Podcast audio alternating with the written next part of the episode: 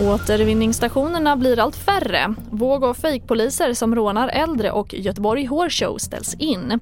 Ja, här är TV4-nyheterna och vi börjar med att återvinningsstationerna har blivit allt färre de senaste åren. Närmare 30 stationer försvann runt om i landet i fjol när kommuner och markägare tog tillbaka marken, vilket är en negativ trend som oroar ansvariga på FDI, förpacknings och tidningsinsamlingen. Det är givetvis inte bra för att servicen minskar ju till invånarna som vill lämna förpackningar och återvinna. Varför blir de färre då? Ja, det kan vara många olika orsaker men eh, det är svårt att hitta mark, hitta bra platser. Här står vi på en stor köpcentra, då är det lättare att få en yta och det är mycket knutpunkt. Men inne i samhällen så är det lite svårare. Eh, städer byggs ut och förtätas. Då försvinner ofta stationer. Och det sa Magnus Örnborg, regionchef på FDI i Västra Götaland. Och tre äldre kvinnor i Malmö utsattes för bedrägerier igår kväll av personer som utgav sig för att vara poliser.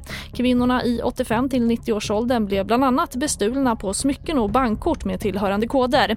Kriminalkommissarie Jan Olsson.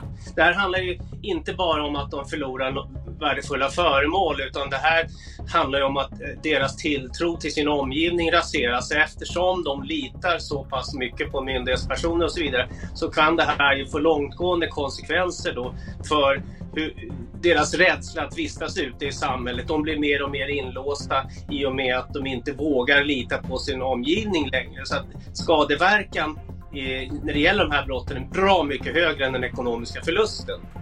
Och en längre kommentar med John Olsson kan du se på tv4.se.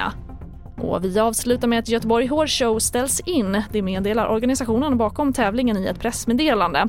Tävlingen skulle hållas 23 till 27 februari men på grund av pandemin och de rådande restriktionerna som gäller där bara 500 åskådare tillåts per sektion ställs årets tävling in. Göteborg Horse Show är en av världens ledande inomhustävlingar i ridsport och lockar varje år 70 000 besökare. Och det får sätta punkt för den här sändningen. Fler nyheter det hittar du alltid i vår app TV4 Nyheter. Nyheterna. Jag heter Charlotte Hemgren.